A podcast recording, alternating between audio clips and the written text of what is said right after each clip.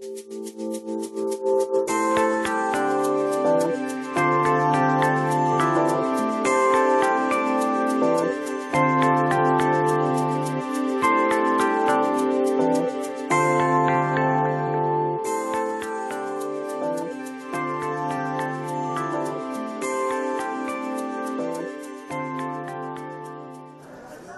Напередодні Міжнародного жіночого дня у культурному центрі Індії у середу, 6 березня, відбувся святковий концерт для жінок Індії.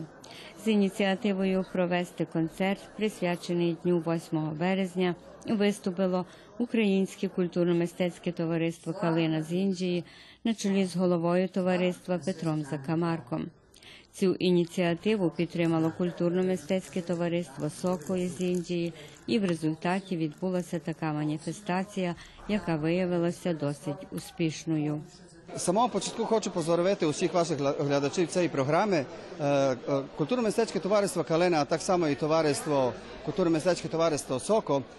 Ми домовилися, щоб зробити на день праздника е, за наші жінки. Ми вже, ми вже тому два роки робили один, один концерт, але пізніше в тому один рік, другий рік не могли не дістали терміни. І тоді не могли ovaj зробити. Цього року ми дістали шестий завдяки, що е, порожний е, культурний центр, все ми можемо завжати. І тоді ми е, почали домовлятися, як зробити програму. То було взагалі може за 7 до де- 10 днів було, як ми почали домовлятися, коли дістали. Так що сьогодні будемо вже по другий раз е, культурно-мистецьке товариство. Взагалі то Калена організує, бо Сокол має тільки дві хореографії і одну пісню. Найбільше будемо співати сербських пісень. А е, українських пісень будемо співати козаче, козаче, то вже пізнають люди, розберігайте хлопці коні. Наше товариство, те співача група буде співати е, е, е, ovo je Srbija i tamo daleko, kozače, kozače, розберігайте хлопці коні. Діти виступають, так. Вони будуть виступати е, з дві хореографії, козачок і дев'ятка. До кінця року маємо, ми маємо, вже Никола Ляхович нам сказав, товариство, котре прикладає українську культуру і мову Коломейка, е, казав, що на кінці місяця е, е, березня будемо робити Дні Тараса Шевченка, і так само культурно-мистецьке товариство буде тепер на кінці того місяця буде брати участь у- Сримській Мітровиці, буде організатор культурно-мистецького товариства Коломейка. Я хочу всім жінкам побажати праздника, щастя, здоров'я. Що треба е, сказати більше? Здоров'я найбільше треба, і хочу сказати, щоб наші е, е, жінки, наші мами плекали українську мову, щоб навчали наших дітей українською мову. Якщо не будемо роз... е, не- навчимо наших дітей розмовляти українською мовою, то вони вже забудуть. Бо е, я вже пару разів казав, що, що треба тут підчеркнути, що то треба робити. Бо четверта генерація наших українців, котрі вже прийшли на, на тебе простори, і по- полегко то зникає. Якщо люди українські е, е, наші люди, котрі мають е, е, переміщення е, в Індії, я вже з ними трохи розмовляв, що в хаті мусите розмовляти українською мовою. На вулиці не розмовляють як хочуть і так далі. Але в хаті мусять перші мусять їх навчити скільки вони знають. А так само маємо своїх викладачів, котрі будуть е, ще краще їх вивчати українську мову. Наші діти добре, е, е, добре навчають українську мову. Тепер ка- кажу, е, мають і добре рецитації, брали е, дуже багато дістали оплесків і що я знаю, не знаю, які на- нагороди дістали тепер, як були на веселки. Так що наше товариство тепер з людьми дітьми дуже гарно працює. Я прийшов на запрошення голови мистецького товариства е, Калена на її програму підтримати таку е, гарну подію, яку його е, гарну думку зробити такий гарний е, концерт для всіх наших жінок. Ево, я би хотів побажати їм їх з праздником, вітати їх з їх праздником, побажати їм багато здоров'я, багато щастя, багато успіху в житті і е, побажати, щоб було більше таких днів, посвячених е, жінками, не тільки ovaj, е, ті- тільки ovaj, на її день. Національна рада буде підтримувати такі, такі акції, такі концерти, такі події. І дуже нам дуже нам приємно чути, що наші товариства багато працюють, багато роблять збирають дітей, будемо мати нагоду і нині буду побачити дуже, е, дуже гарні. Чую, тут е, багато дітей є і думаю, що буде. І надіюся, що буде дуже гарний концерт. У цей вечір культурний центр був переповнений, не міг вмістити всіх бажаючих. Петро Закамарок, голова Українського культурно-мистецького товариства Калина, на початку концерту привітав усіх жінок з наступаючим святом. Je danas idu- izuzetna čast i zadovoljstvo što mogu da vas pozdravim u moje ime kao predsjednika Kulturno-umetničkog društva Kalena, kao predsjednika Srpsko-Ukrajinskog prijateljstva, На урочистість прибули численні гості, а серед них і голова Національної ради української національної меншини Микола Ляхович. Шановний пане Петре, дякую за запрошення. Е, Шановні глядачі, шановні приятелі, родино. Е, Хотів би вас привітати від Української національної ради і у своє ім'я особисто. Е, Нині маємо нагоду подивитися гарну програму, котру я знаю, що вона буде гарна, що пан Петро і його приятелі приготували. Е, Hteo bih da pozdravim sve vas prisutne u sali. E, Posebno bih hteo da pozdravim one kojima je večerasni koncert i posvećen e, i da vam poželim mnogo zdravlja, mnogo uspeha u životu, mnogo sreće i da vam poželim da e, imate više pažnje i ljubavi e, ne samo za ovaj praznik, nego da to bude tokom cele godine. Vi to svakako zaslužujete svojom pažnjom e, prema svojoj deci, prema svojoj porodici i želim vam da evo i večeras e, posebno uživamo u ovom lepom događaju. Програма була різноманітною. Пісні змінювалися танцями, звучали поетичні рядки. Чимало оплесків отримали наймолодші виконавці, дитяча танцювальна група.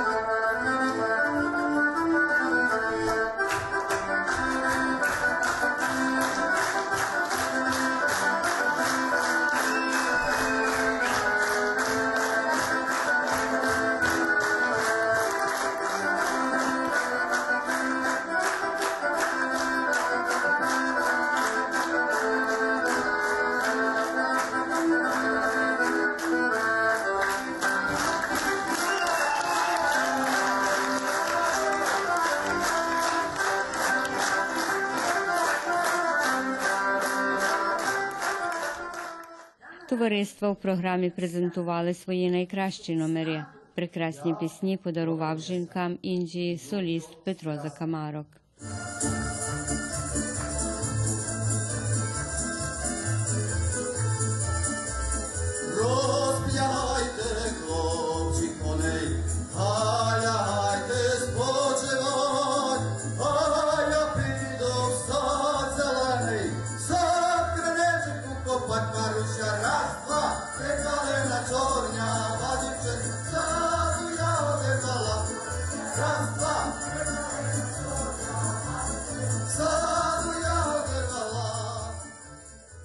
Товариства Калина виступив з українськими народними піснями. Пісня з давніх давен вважається невід'ємною частиною кожного народу. Українська пісня це душа українського народу. Саме тому українські народні пісні викликали захоплення глядачів. А чи не найбільше оплесків отримали пісня Козаче, козаче.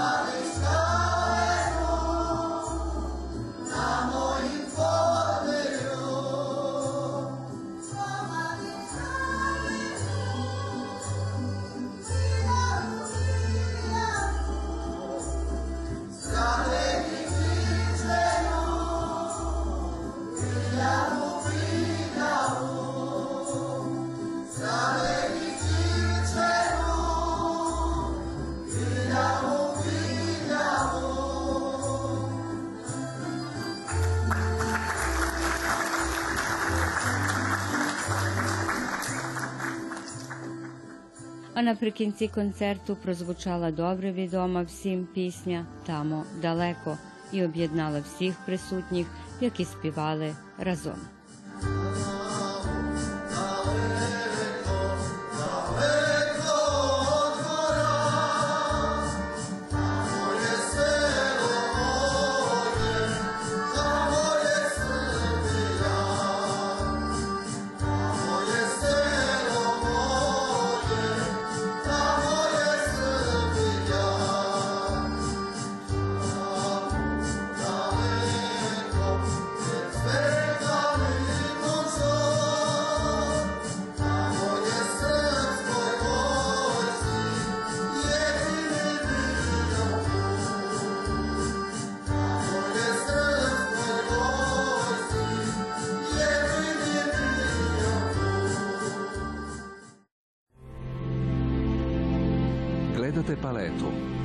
Iz emisija na jezicima nacionalnih zajednica.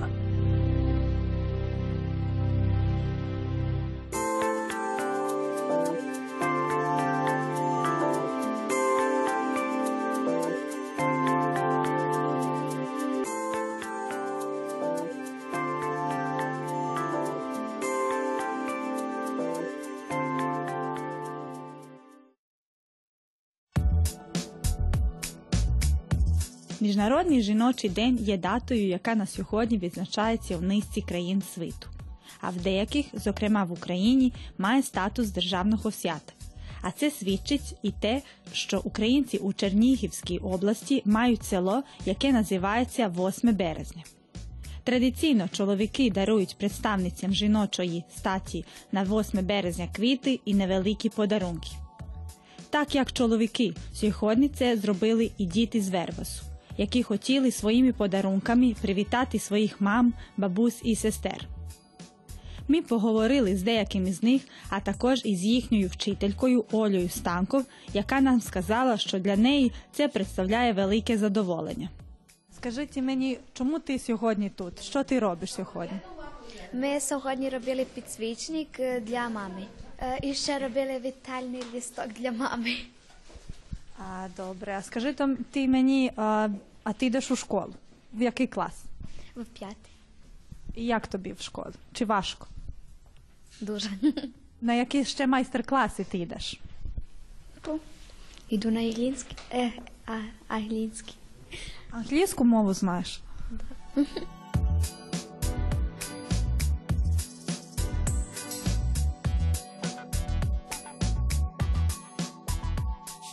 Чому ти сьогодні тут? Що ти зробив сьогодні? Па ми тепер робили подарки за маму. А скажи, що ти це зробив тут? Е, частитки. Вітальні листки. І що тут написав? Во- 8 березня.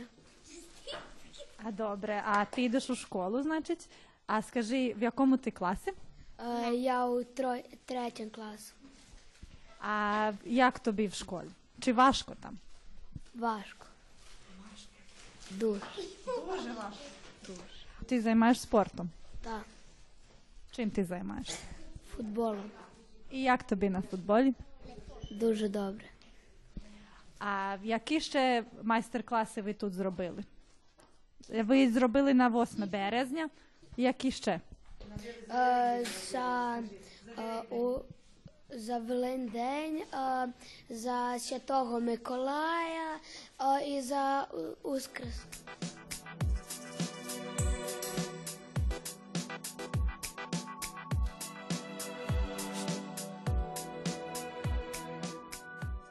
Zašto ste vi danas ovdje? Šta ste vi danas radili ovdje? Mi smo pravili poklone za mamu. Pravili smo svećenjake od tegli i pravili smo čestitke. A reci mi šta ste napisali sve u tim, u tim čestitkama? Napisali smo mami srećan 8. mart. Ili u školu koji raz? Idem u školu i ja sam pet razred. I kako ti u školi? Jel ti teško? Pa malo jeste. Jel ideš na još neke sekcije? Jel se još nečim baviš? Sportom? Jel učiš neki jezik? E, jezik samo u školi, a idem na folklor. A koji jezik još učiš? U školi ruski i engleski. I znaš i ukrajinski, jel tako? A reci mi, a za, za koje još prilike ste vi pravili poklone? Pravili smo poklon za uskrs, za svetog Nikolu i za novu godinu.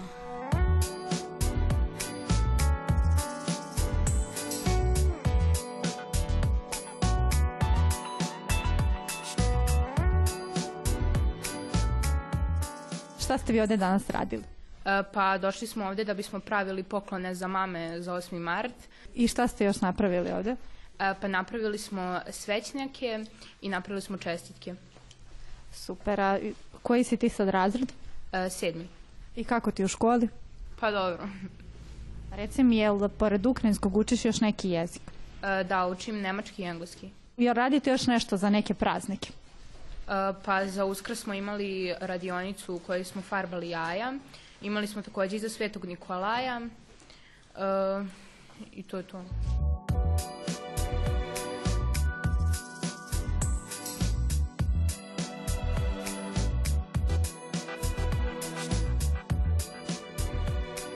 Що ви сьогодні з дітьми на майстер-класи виготовляли на цей день?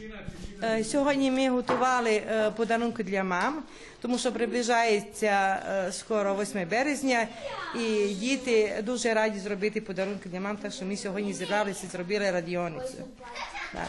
А скажіть, чи було важко все це організовувати і взагалі чи важко з дітьми організовувати все це і робити? Мені не важко, тому що я маю досить досвіду е, е, працювати з дітьми, працюю як вихователь і як вчитель, викладаю українську мову тут у нас у Вербасі. Інакше я дуже люблю креативні роботи, так що я думаю, що і діти дуже люблять, і їм, коли я принесла це на радіоницю, їм дуже це подобала е, ця креативна техніка, і я думаю, що е, мами дуже будуть раді цим подарункам. А ви кожного року відбуваються такі майстер-класи, як це на 8 березня?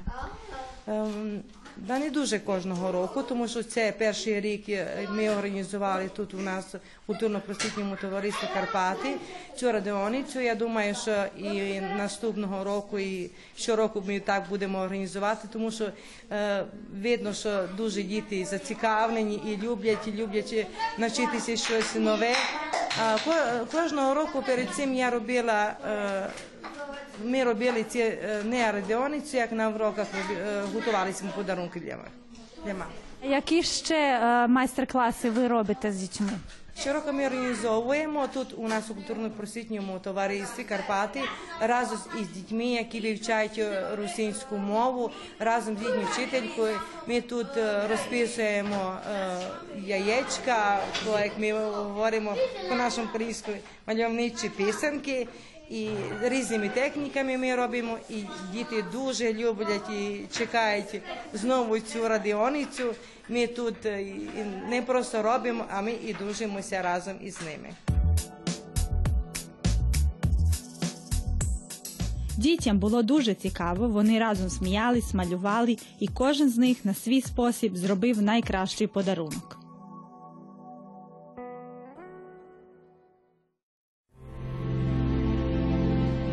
Gledate paletu. Izbor iz emisija na jezicima nacionalnih zajednica.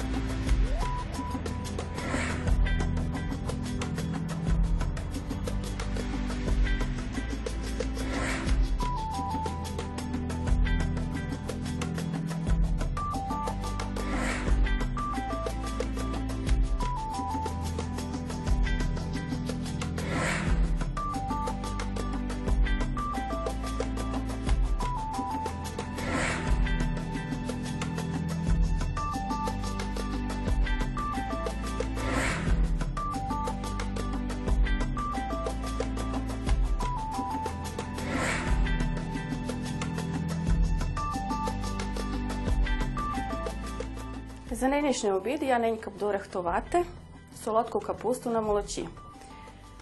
Е, то мене навчила моя мама. Мою маму навчала її мама. Вона прийшла з України і там не варили.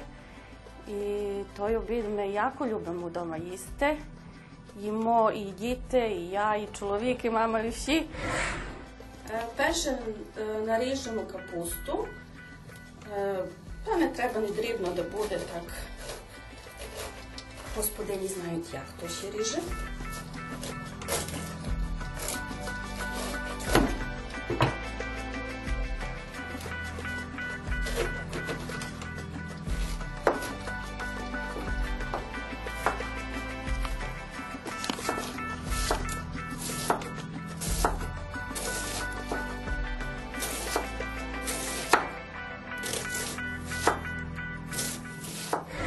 postavite u banjek.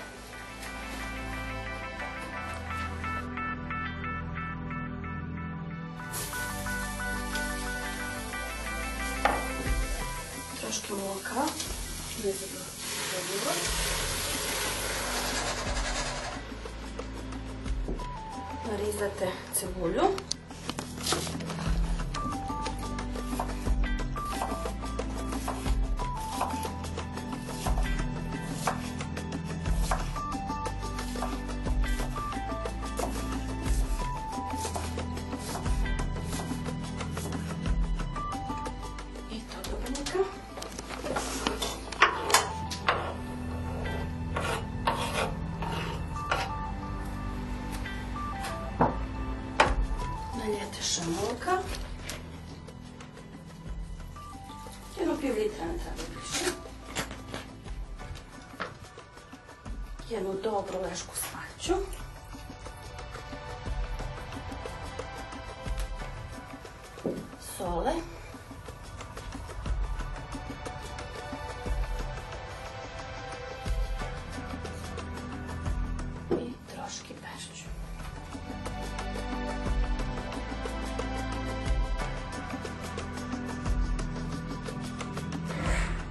Треба варити на півгодини і якщо зварити, поставити ну, стакан томата і е, лешку сметани і готова капуста буде.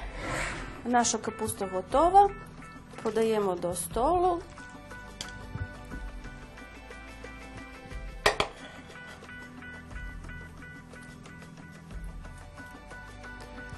хто любить трошки гострого червоного перцю і смачного.